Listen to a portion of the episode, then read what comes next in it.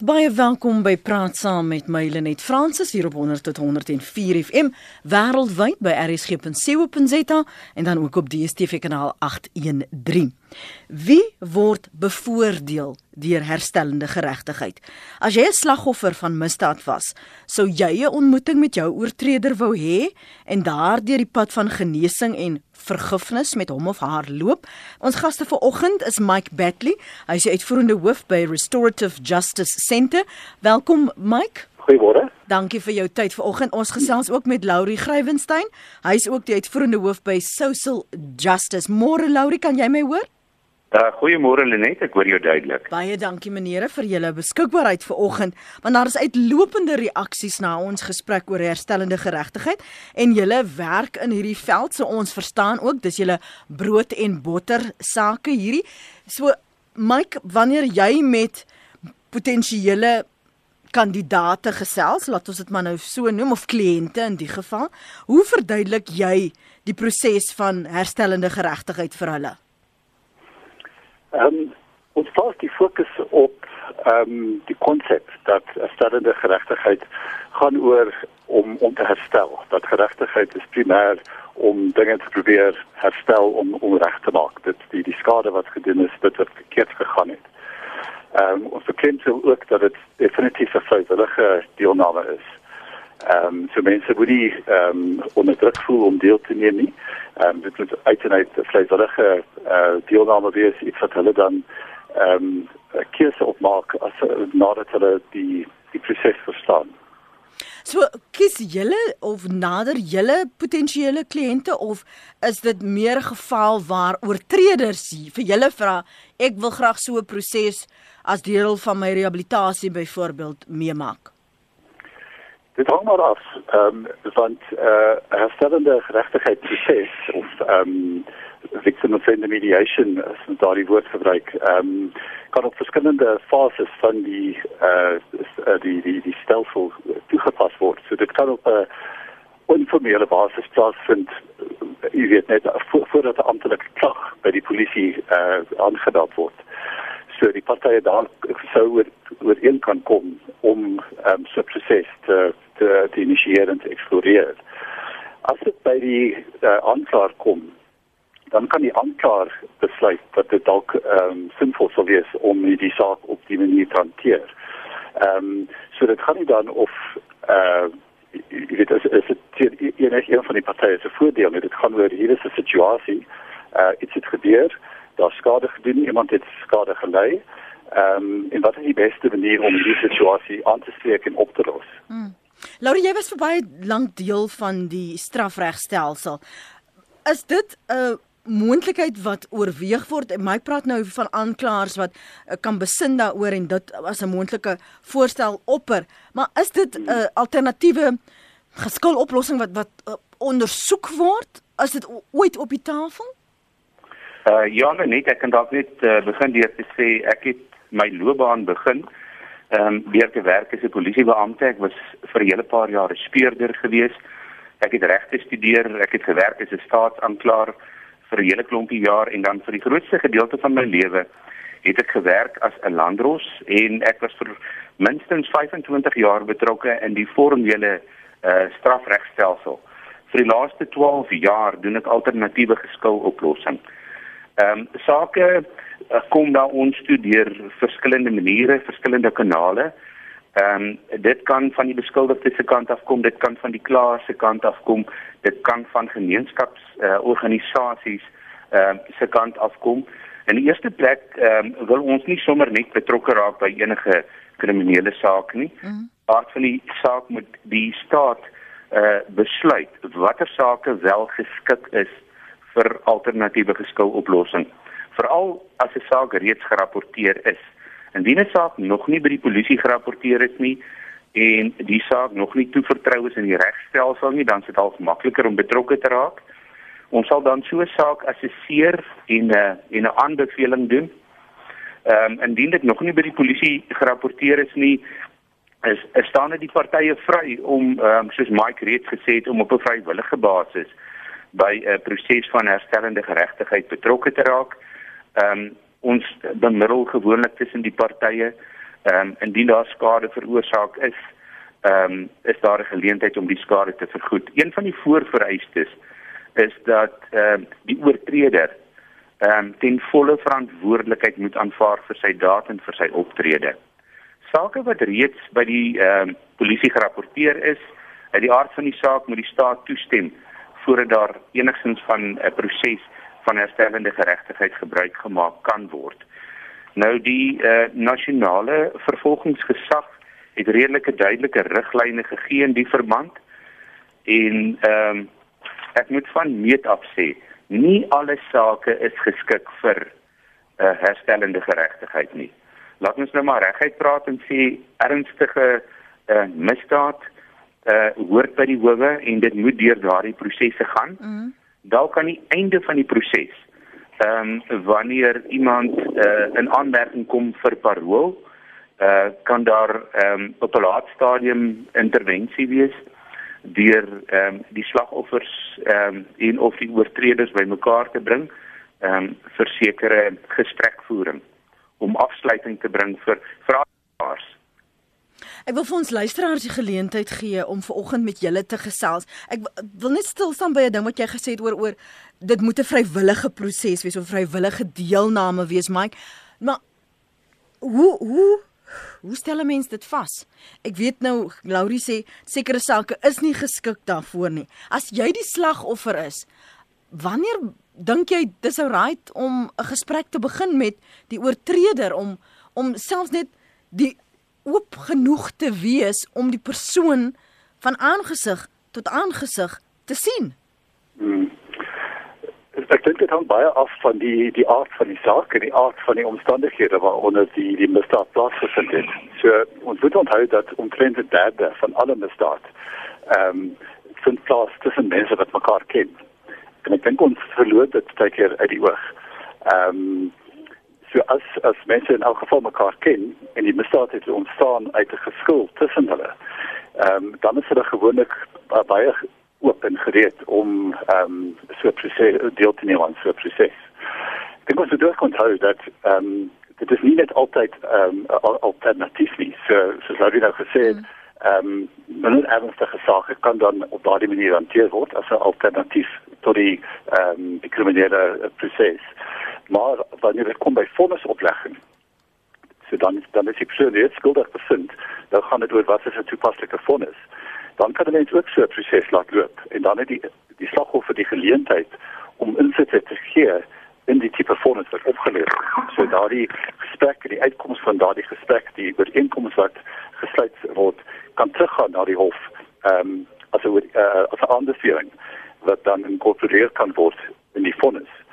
En dan ook so as 'n persoon dan reeds na die uh, gevangenisstraf uh, uitdien en as deel van hulle integreringsproses voordat hulle dan vrygestel word, kom ons sê 'n paar jaar nadat hulle ehm um, die die fondse uitgedien het, kan daar ook so 'n gesprek plaasvind wat dan deel wees deel vorm van die ehm um, die proses van herintegrering in die gemeenskap.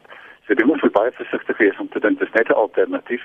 Ehm um, en dit is net met mense wat uh jy nie ken nie. Mm. Baie keer kan dit met mense wees wat jy goed ken.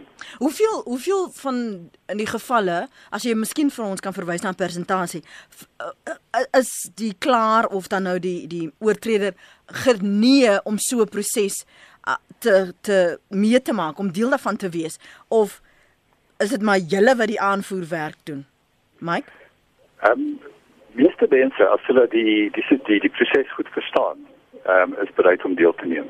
So wat is die wanpersepsies van die proses? Want jy het na aanleiding van my gesprek met professor Christian Besuidenhout gesê daar is alternatiewe. Ons moet nou kyk na die ander moontlikhede ook. Want ja, daar is in sommige gevalle is dit nie geleen nie. Wil sommige Laurie dit ook nou bevestig? Is sommige sake leen hom nie toe vir daardie soort proses nie.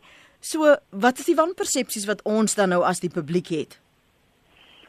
Ek dink die wanpersepsie is is dikwels dat dit net as 'n alternatief is. Mm -hmm. En jy weet dat die saak dan uh, geskik word, uh, maar gaan nie verder nie en almal is nou gelukkig. En en veral as mense dit dan as jy daaraan dink in terme van ernstige sake, ehm um, jy weet dan voel dit heeltemal ontoepaslik en en dit is korrek, maar dit is nie hoe dit ehm um, dit is nie die werklikheid nie. Dis ek nou verduidelikheid.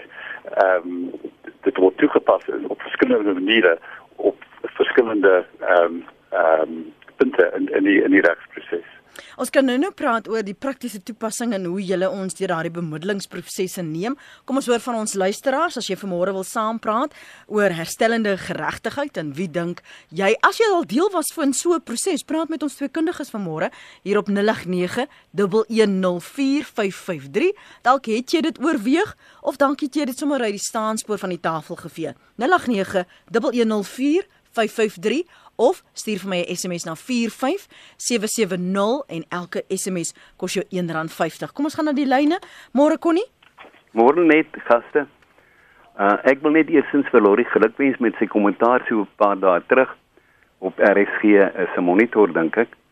Ek uh, het net 'n vraag of twee vir hom of eersins wil ek net aanhaal wat hy uh, wat hy uh, sy kommentaar wat hy gegee het en ek wil veral wys na gebroke individue het hy gesê lei na gebroke families en lei weer na gebroke gemeenskappe. En hy vra dan dat uh, raak betrokke by sosiale geregtigheid en help skep 'n beter samelewing. Uh ek weet net by Lori hoor daar's reeds gesê nie alle sake kwalifiseer nie. Mhm. Ek dink tog daar ons moet 'n balans vind daar en my vraag gaan rondom departement justisie en korrektiewe dienste dan in besonder. Uh dat sou ons dan kyk aan die geval van Chrisani se moordenaars. Ons weet klaar daai uh, in die gevangenis deurgebring bykans of net 'n kort tydjie voor sy afsterwe.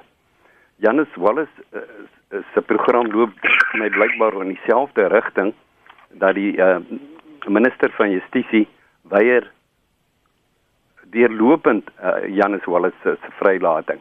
Hoe pas ons dit in by sosiale geregtigheid en 'n beter samelewing aan almal? As as as hierdie saak dan so hanteer word. Baie dankie, mooi dag. Dankie Connie, Laurie, kom ek gee jou kans. Goed, baie dankie uh, Connie vir jou vraag. Ek dink ons moet net weer kyk hier na die omstandighede. Ehm um, die vraag bly eerstens is die oortreder bereid om in 'n gesprek te tree? Ehm um, is die ehm uh, slagoffer bereid om aan so 'n gesprek deel te neem? Mike het reeds aangedui dit is 'n vrywillige proses hierdie. Ehm um, indien enigiemand van die partye nie bereid sou wees om aan die gesprek deel te neem nie uit die aard van die saak, ehm um, gaan daar nie so met so 'n proses voortgegaan word nie. Ek wil dalk net vinnig ehm um, teruggaan uh, om enige verwarring wat dalk geskep is ehm um, uit die weg te ruim. Ehm um, ons moet ehm uh, uh, net kennis neem van die feit dat ehm um, hierdie dat sekere prosesse gebruik kan word voor verhoor. Soos Mike reeds gesê het, uh voor skuldigbevinding en dan natuurlik voor vrylating uit die gevangenis. Um net sekere sake sal kwalifiseer uh, vir hierdie prosesse voor verhoor.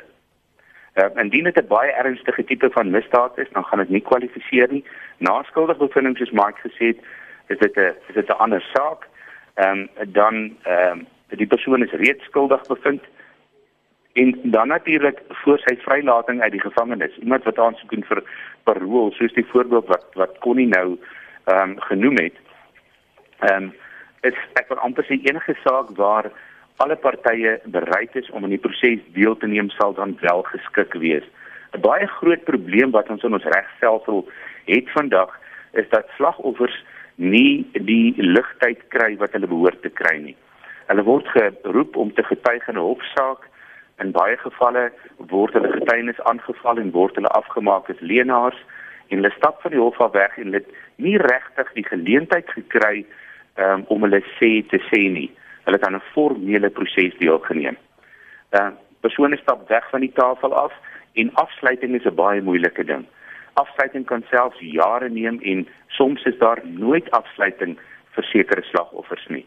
Hierdie proses van herstellende geregtigheid is 'n lekker stukkie gereedskap wat gebruik kan word wanneer almal bereid is om om deel te neem aan die proses om ook afsluiting te bring vir slagoffers. Hmm. Is wat jy wil byvoeg, Mike, vir ons 'n breek neem? Um, ek dink ja, uh, ek ek stem saam met wat Louwie daar gesê het. Ehm um, en ek dink jy's in die in die valie saak ehm um, ek het dit probeer uh, op op kyk maar ek, ek kry dit nou nie aan in die hande nie, maar ek dink een van die ander gesinslede van ehm um, Chrisani het deelgeneem aan aan 'n gesprek. Ehm um, so ja, dit is dit is heeltemal vrywillig. Party mense wil dit graag doen, party wil nie. Kom ons gee vir Andre voorkeur hy het gebel hy's hier in Johannesburg en hy's blykbaar op lyn 2. Môre Andre? Goeiemôre. Praat gerus. Ja, weet jy, ek wonder net oor geregtigheid, reggeregtigheid. In die ou dae as iemand iets aan iemand anders verdoen, dan word daar iets soos oog vir oog en 'n tand vir tand.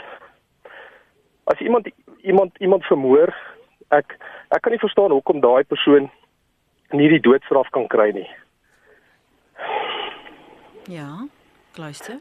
Jy sien want ek voel net jy weet die geregtigheid is nie meer dieselfde nie. Jy weet jou jou onskuldige mens ly meer onder dit onder onder die jy weet ekskuus ek ek voel te ongemaklik om te praat verder. Dis okay. Dankie. Ek was in so 'n situasie gewees en ek voel net geregtigheid is nooit geskied nie. As jy sê in so 'n situasie, gee my 'n idee van wat gebeur het of net opsommenderwys. Ag, weet jy. Is okay. Moenie bekommerd Ja. wees nie. Dankie vir die bel, dankie vir die moed wat jy in die dag gelê het. Ek Okay. waardeer dit. Sterkte daarso, Andrei. Kom ek um, probeer verwoord wat uh, Andrei uh, nog steeds duidelik nog mee sukkel want dis dis wonde, nê? Een van die luisteraars skryf ook hier, uh, wat is regstellend as jy iemand doodgemaak het as die seer nog so seer is? As die persoon dood is, dan is hulle dood. Hoe stel jy dan reg, Mike? Ja, die aard van die saak kan 'n mens dit nie doen nie. Ehm um, so kan dan gaan dit oor ehm um, erkenning van die ehm um, van van wat gebeur het. En dit is dikwels die probleem in die in die regstelsel is dat die slagoffer ehm um, die die die stelsel is nie georiënteerd rondom die behoeftes van die slagoffer nie.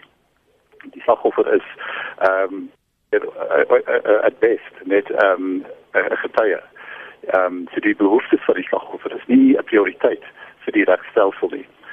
So ek dink eh, waar herstellende geregtigheid 'n rol kan speel in so 'n ernstige situasie van 'n moord, ehm um, is om erkenning ehm um, te gee aan die verlies wat die persoon gely het. En as die oortreder ehm um, verantwoordelikheid kan aanvaar, ehm um, op 'n manier verduidelik jy wat gebeur het en ehm um, dan ook ehm um, uh, wat die woord wat ek nou soek ehm um, you can really show remorse jy weet regtig begin insien die effek van wat hulle uh, optredes was dan kan dit bydra tot die genesing van die persoon. Ehm um, daar's ander goed wat 'n mens ook kan doen in terme van simboliese ehm um, erkenning uh, aan die persoon se lewe, you have to honor that person's life. En al daardie stappe uh, dra by tot uh, genesing van die persoon. Maar 'n mens kan nie um, ten volle herstel nie uit die aard van die saak. Mm. Van waar begin jy die gesprek, Laurie, as jy Andre se gemoed is nog steeds vol en daar sekerlik ander persone wat ver oggend sê ek, ek ek ek kan nie. Hoekom hoekom moet ek? Ek wil nie. Of daar is 'n geval waar 'n persoon dalk uh die Christelike beginsels aanhang waar jy sê maar God sê ek moet vergewe en ek wil dit reg doen maar ek voel nog nie in my hart ek is reg nie. Waar begin jy so 'n gesprek met daardie persoon of die proses? Hulle sê ek, ek wil deel wees daarvan vir myself in my eie bevryding maar ek weet nie of ek die moed het om aan te gaan nie. Laurie hoe Goed. help jy so 'n persoon dan Ja, Lenet, ek dink ek wil uh, hierdie vraag antwoord deur dalk net 'n voorbeeld te gee. 'n Bekende voorbeeld wat ek en Mike uh, soms tydens opleiding gebruik, is van 'n 'n vroulike boer in die Vrystaat wat in 'n plaasaanval betrokke was waar sy beroof was. Ehm um, sy het daarin geslaag om een van die vier rowers te identifiseer. Sy is na die polisie toe, sy het dit aangemeld en 'n dag of twee later toe was die persoon wat sy geïdentifiseer het gearresteer.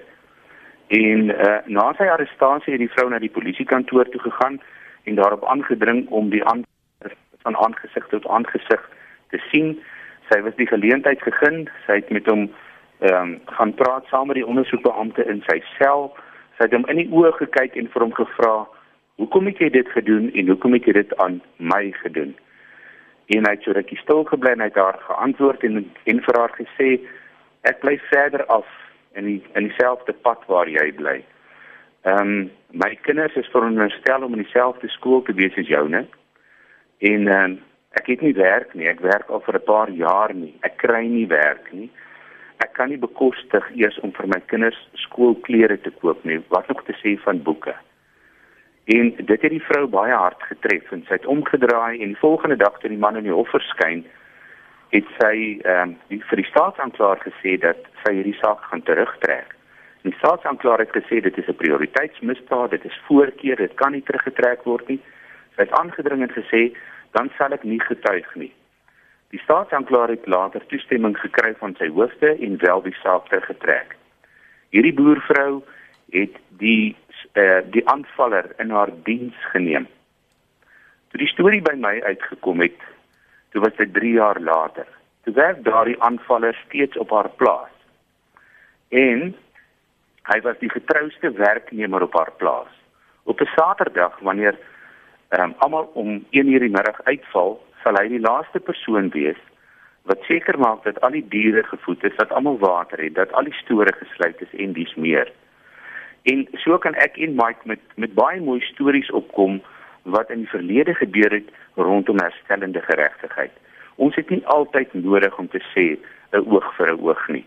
Die ehm uh, die boodskap van vergifnis is baie belangrik hier, maar mense moet mekaar vind in die proses. Hmm. Maar ek, ons gaan terugkom na die boodskap van vergifnis, wat dan van straf, maar Pietro wil eers saamgesels. Pietro is op lyn 2. Môre Pietro? Goeiemôre Lenet ek voel daar is dubbele standaarde, hoor. Ek glo nie daar mens kan sê oor die geregtigheid geskied en so aan nie. Ek het nou genoem vir die dame ook van die Chris Hani geval. Daai man is geregtig om uit te kom op parol, maar net omdat sy vrou daarteen is, uh, word hy nog steeds aangehou. Nou kom dit is die die vrou meer gesag as die regter of wat die wet bepaal en so. Dis net maar een ding wat ek noem. En dan kyk ons nou vroeër As jy byvoorbeeld in 'n bank gewerk het of by 'n winkel, jy was nou 'n rekenmeester of iets. En daar kom agter daar was 'n geknoeiery geld is weg en daar's uh, bedrog gepleeg en so aan. Dan word jy se muur en hegtenis geneem, jy kom voor die hof en jy word gestraf en jy verloor jou werk ook. Hoeveel van ons uh, in die regering nou wat daar gesê word soveel en daai persoon is verantwoordelik en hulle loop rond en daar word niks gedoen nie. So wat se vertroue moet mens daarin hê? Mense, arme mense, gewone burgers hier as hulle skuld het, dan kom die dan word hulle 'n dagvaarding uitgereik as nie geld het nie, word daar beslag beslag gelê op hulle meubels en goeder. Hulle gee nie om wat daai persoon oor het en wat gebeur verder nie. En dit word nie met almal gebeur nie uh, gedoen nie. Dit is net my standpunt, dit wat ek wil sê. So ek glo definitief die reg is nie vir almal regverdig nie. Hoor. Baie dankie Lenet. Dankie Pietro. Kom ons gee vir Mike en Laurie geleentheid om daarop te reageer, Mike. Ja, ek dink ehm um, dis moeilik om om um, regtig kommentaar op te gee want ons regstelsel is onder geweldige druk met die hoeveelheid sake ehm um, daar is al baie wat mense oor kan sê. Ehm um, jy weet in terme van die redes daarvoor en hoe hulpbronne uh, gebruik word en so voort. Maar die punt is dat ek dink elke saak behoort op sy manier hanteer te word en elke persoon is jy weet in terme van as 'n beginsel is gelyk voor die reg. Ehm um, vir herstellende geregtigheid en kom ons om te sê dat ons moet kyk na 'n breër ehm um, perspektief daarop. Ehm um, so om terug te kom na die die die vorige persoon wat ingebel het in terme van die Bybelse beginsel van 'n oog vir oog uh lewe vir lewe dit is een van die beginsels. Ehm um, in die geskiedenis dui daarop dat dit eintlik baie selde werklik toegepas was. Daar's ander beginsels uh vir al restituisie uh, wat ook in in in die in die, in die Ou Testament baie sterk na vore kom so ek dink ehm um, straf en vergelding is deel van die proses, maar restituisie uh, is moet ook deel daarvan wees. Hmm. Laurie, praat met my oor straf omdat ons sê dit vir daar's 'n plek vir vergifnis, maar baie van die luisteraars sê hier wat van boetedoening. Dis mos goed en wel jy erken ja, dit was verkeerd, ek moes dalk nie, maar boetedoening, dan moet 'n tipe van straf wees, meen sommige hierso. Ja, dit is die gesprek wat ons vroeër gehad het. Nie alle sake is geskik ehm um, vir hierdie prosesse nie.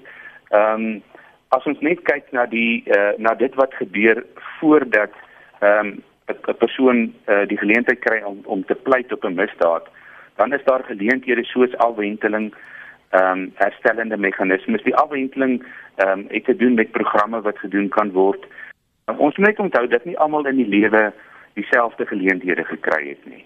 En ehm um, dat baie van die oortreders uh op 'n stadium ook 'n slagoffer was van iets of iemand, 'n stelsel of ander mense.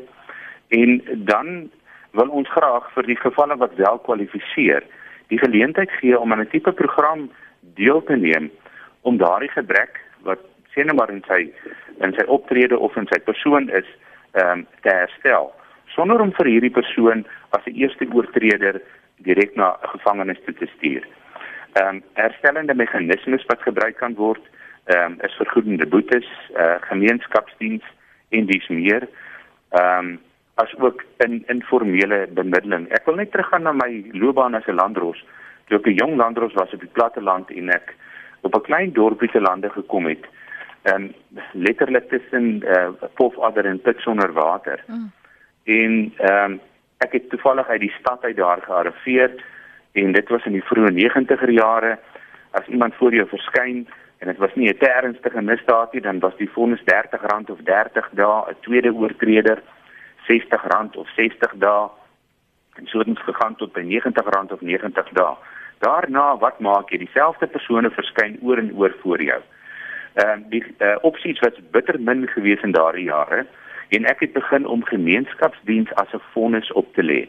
Ek wil net byvoeg, toe ek op hierdie klein dorpie gekom het, het ek 4 dae van 'n week in in uh, vir 4 en 'n half ure in die hof gesit net om met hierdie tipe van uh oortreders en oortredings te werk. Ek het toe begin om gemeenskapsdiens op te lê. Daar was ook nou nie uh veel geleentheid gewees nie, so ek het uh die oortreders die geleentheid gegee om te gaan skoonmaak, werk doen by die polisiekantoor, by die hospitaal, by die munisipaliteit en dies meer. En mense wat vir 'n baie lang tydperk nie gewerk het nie, het aan my toe gekom en vir my gesê, "Meneer, baie dankie. Jy het vir my gehelp. Ek het vir 14 jaar nie gewerk nie. Jy het my menswaardigheid vir my teruggegee. Die blote feit dat ek die geleentheid kon kry om 'n werk te gaan doen." En ek moet vir u sê 18 maande later het ek myself uit 'n pos uitgewerk op daardie dorpie. Want ek het later net 1 en 'n half uur per week in die hof gespandeer met oortreders. Mm. Ek wil vir julle gou lees wat skryf ons luisteraars hierso. Dis een wat sê, ehm um, ek sal grap waar, waar is dit nou oor die so sê. So die boodskap is, jy kan dit regstel na die breek. So die boodskap is gaan val die plaas aan dan kry jy dalk 'n werk. Wat 'n storie sê Jaco. 'n Ander een sê dit hulle kry die indruk dat vir die inbellers gaan dit meer oor wraak um en hulle luister nie werklik wat gesê word nie of verstaan nie die proses nie. En as ek nog 'n paar ander kyk, Christa van Brits sê ek ons was al 'n jaar 4 keer besteel en ons heininge geknip. Ek wonder nou hoeveel skelms ons al hier in diens sou hê en wie hulle gaan betaal. Ons moet elke keer maar net die dompel pomp vir die boorgat wat ons aan 'n alarm aan het vervang, so alles in die woonstel op ons plot. Ek noem dit maar net skryf Christa van Brits. Um 'n ander luisteraar sê my dogter is in 2012 vermoor sonder rede. Ons weet presies wie dit is, waar hy woon, het dit al vir die polisie gegee. Die saak is gesluit want daar was volgens wet geen uitruil ooreenkoms met Lesotho nie te min fisiese bewyse. Hoe kan 'n mens vrede kry as jy weet presies wie dit is en waar hy woon, maar niks word gedoen nie? Geregtigheid geskied dan nie. Dit en dit was aansie in Pretoria se SMS wat ek vroeër na verwys het wat sê dat so 'n interessante gesprek oor regstellende geregtigheid. Dis duidelik dat sommige luisteraars dink dit gaan oor wraak eerder as versoening.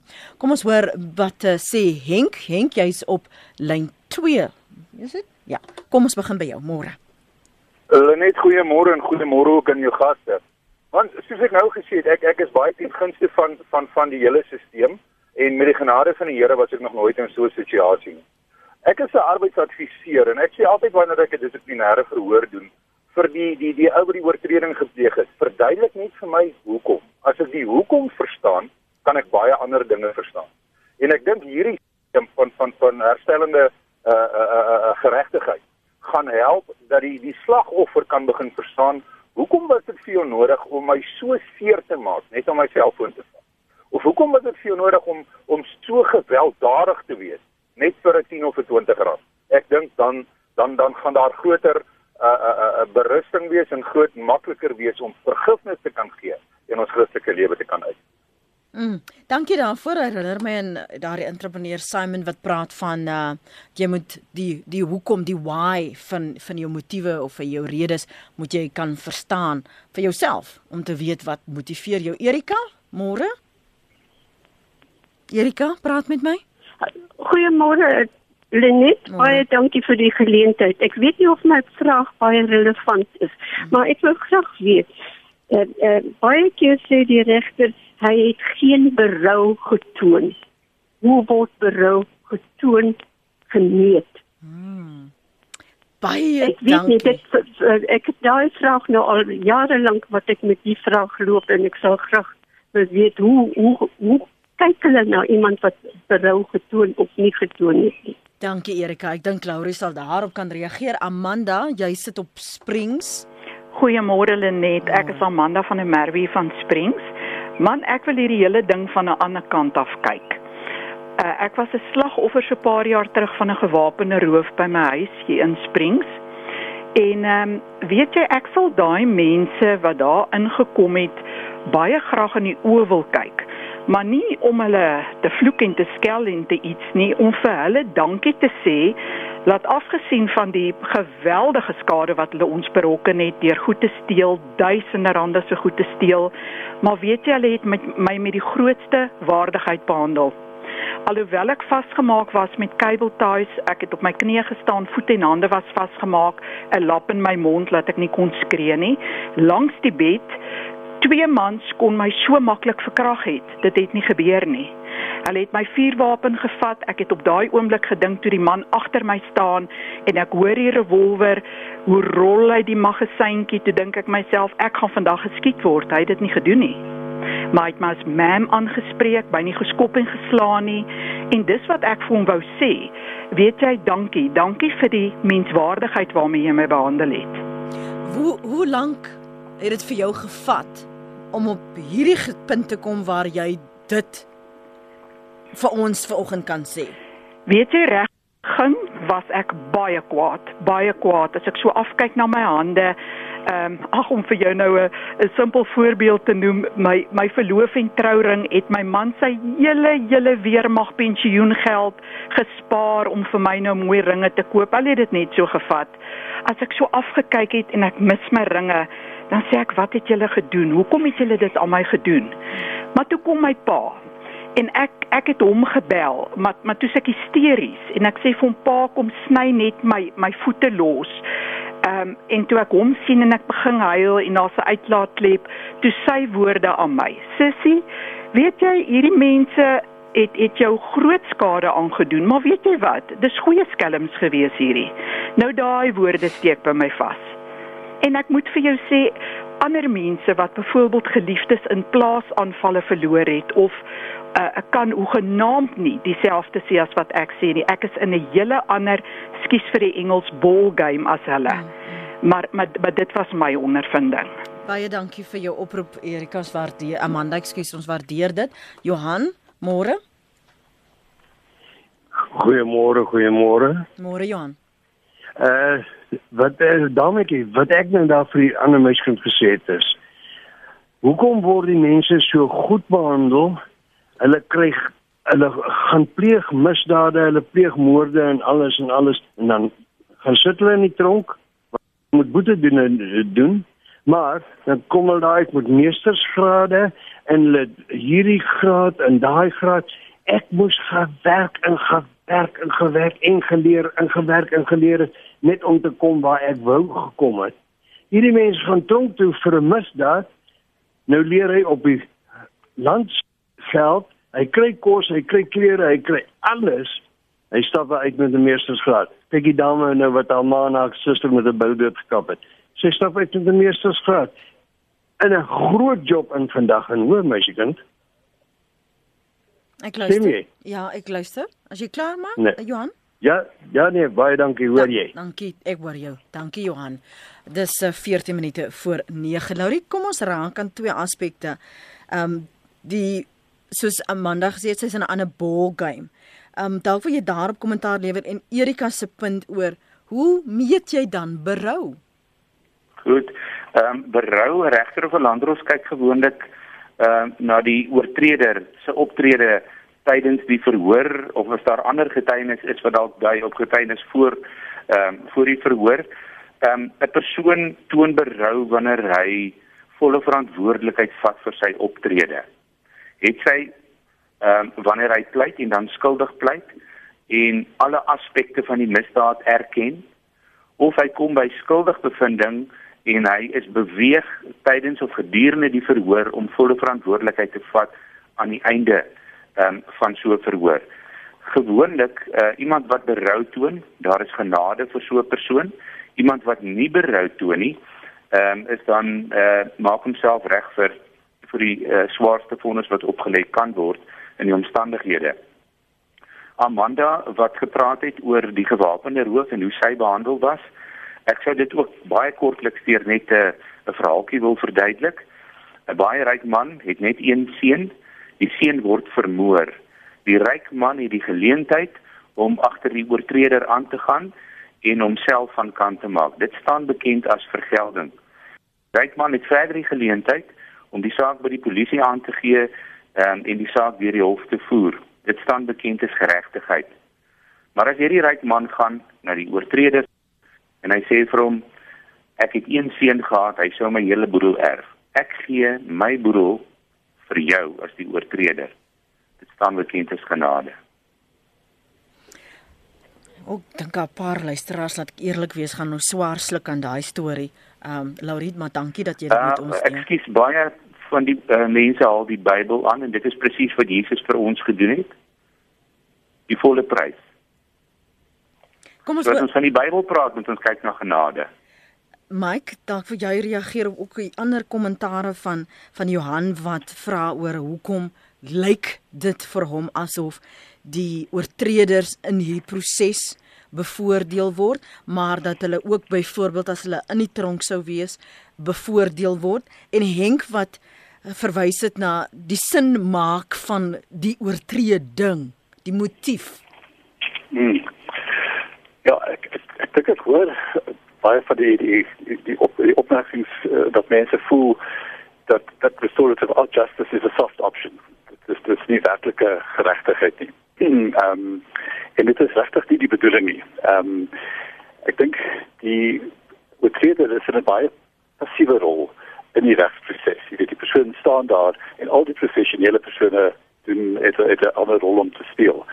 Ehm um, in 'n herstellende geregtigheidsproses word daardie persoon ondersteun word om ehm um, verantwoordelikheid te aanvaar. Daar's so 'n ander dinamika wat wat daar aan die gang is.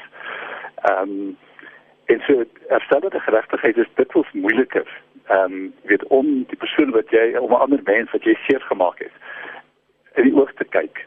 Ehm um, en te sien hoe jy daardie persoon seer gemaak het en om dan op verskillende maniere eh, binne jou vermoë daardie skade te herstel is dit wel baie moeiliker as om net 'n vonnis uh uit te dien wat dan jy opgelê. Dis waar jy waar jy eintlik geen uh jy is as persoon glad nie betrokke is nie. Ehm um, so dit bring ons dan na die die laaste opmerking daarvan. Ehm um, die, die mense word so goed behandel. Maar die vraag is as as iemand uh oortreding gepleeg het of dit nou ehm um, uh, of dit geweld is of nie ernstig is of minder ernstig uh en ons sien die persoon tronk wil ons nie hê dat die persoon as 'n beter persoon uitkom nie. Jy weet is dit as as ons sê die persoon moet dan moet net sien toe gaan om te te betaal vir wat hy gedoen het en hy kom uit maar hy is dieselfde of slegter as wat hy was wat wat wat bereik ons daardeur en dan gaan die persoon mos weer oortree so ek dink dit dit raak aan die, die kwessie van weet wat is die doel van gevangenisstraf. Ehm um, ek wil baie duidelik sê wat uit herstellende geregtigheidsproses mm. die doel van gevangenisstraf behoort net te wees om die gemeenskap te beskerm.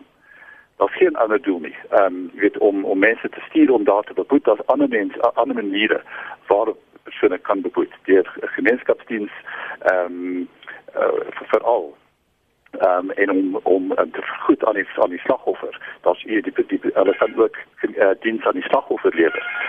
Ehm um, so ek dink dat ons ons moet ons uh, denkwyse uh, aanpas om om te sien dat die tronk is is daar om mense te om die samelewing te beskerm. Nie dis dis dis nie daar om mense net seer te maak nie. Kom ons hoor wat sê Magda. Magda, dankie vir die aanhou.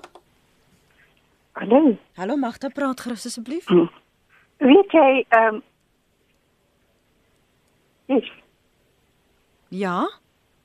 Ehm um, ek voel regstellende geregtigheid begin by jouself. Ja. Uh ek is in die posisie waar my skoonpa en my swaar is in 'n moord in 2004 is hulle oorlede.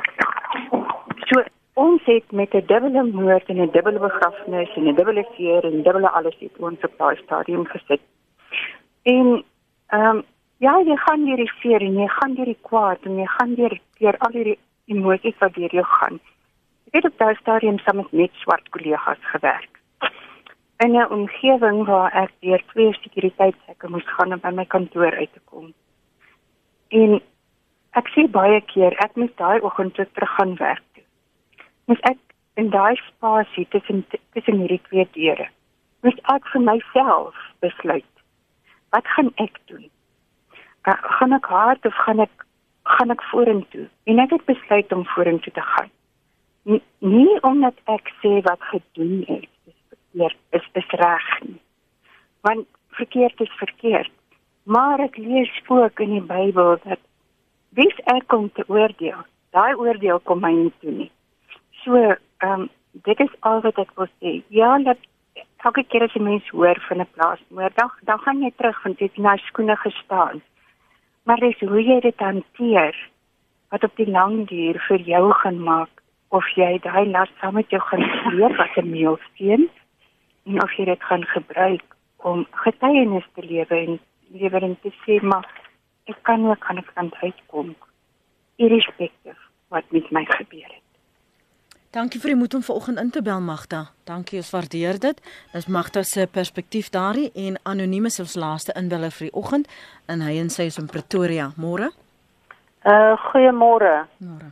Ehm um, my vraag is die redenasie agter die afskaffing van die doodstraf is dat elke mens het die reg om te lewe.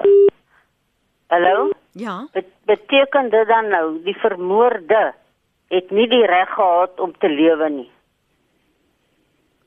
Is dit al? Dis my vraag ja. Goed, dankie. Dis die punt wat uh, anoniem in Pretoria maak. Uh, ter afsluiting Mike, wil ek vir jou kans gee om op te som en te reageer op wat ons luisteraars sê en dalk wat ons in gedagte moet hou as jy wel die keuse het om hierdie proses te oorweeg as 'n manier om met jouself vrede te maak of dan nou ook die oortreder. Dankie Lenet. Ehm um, ek dink die die dit wat gesê is vanoggend en, ek hoor die die seer en die ehm um, die die anger dat dat baie van die inbellers nou het. Ehm um, so sendende geregtigheid gaan nie dit probeer nie sê dat die dat die rule of law nie belangrik is nie. Ehm um, en ons is in 'n samelewing waar ehm um, dit uh, bedreig word. So ehm um, herstellende geregtigheid is definitief nie um, om te probeer verminder wat hoe ernstig misdaad is nie of om te probeer afmaak op op enige wyse nie.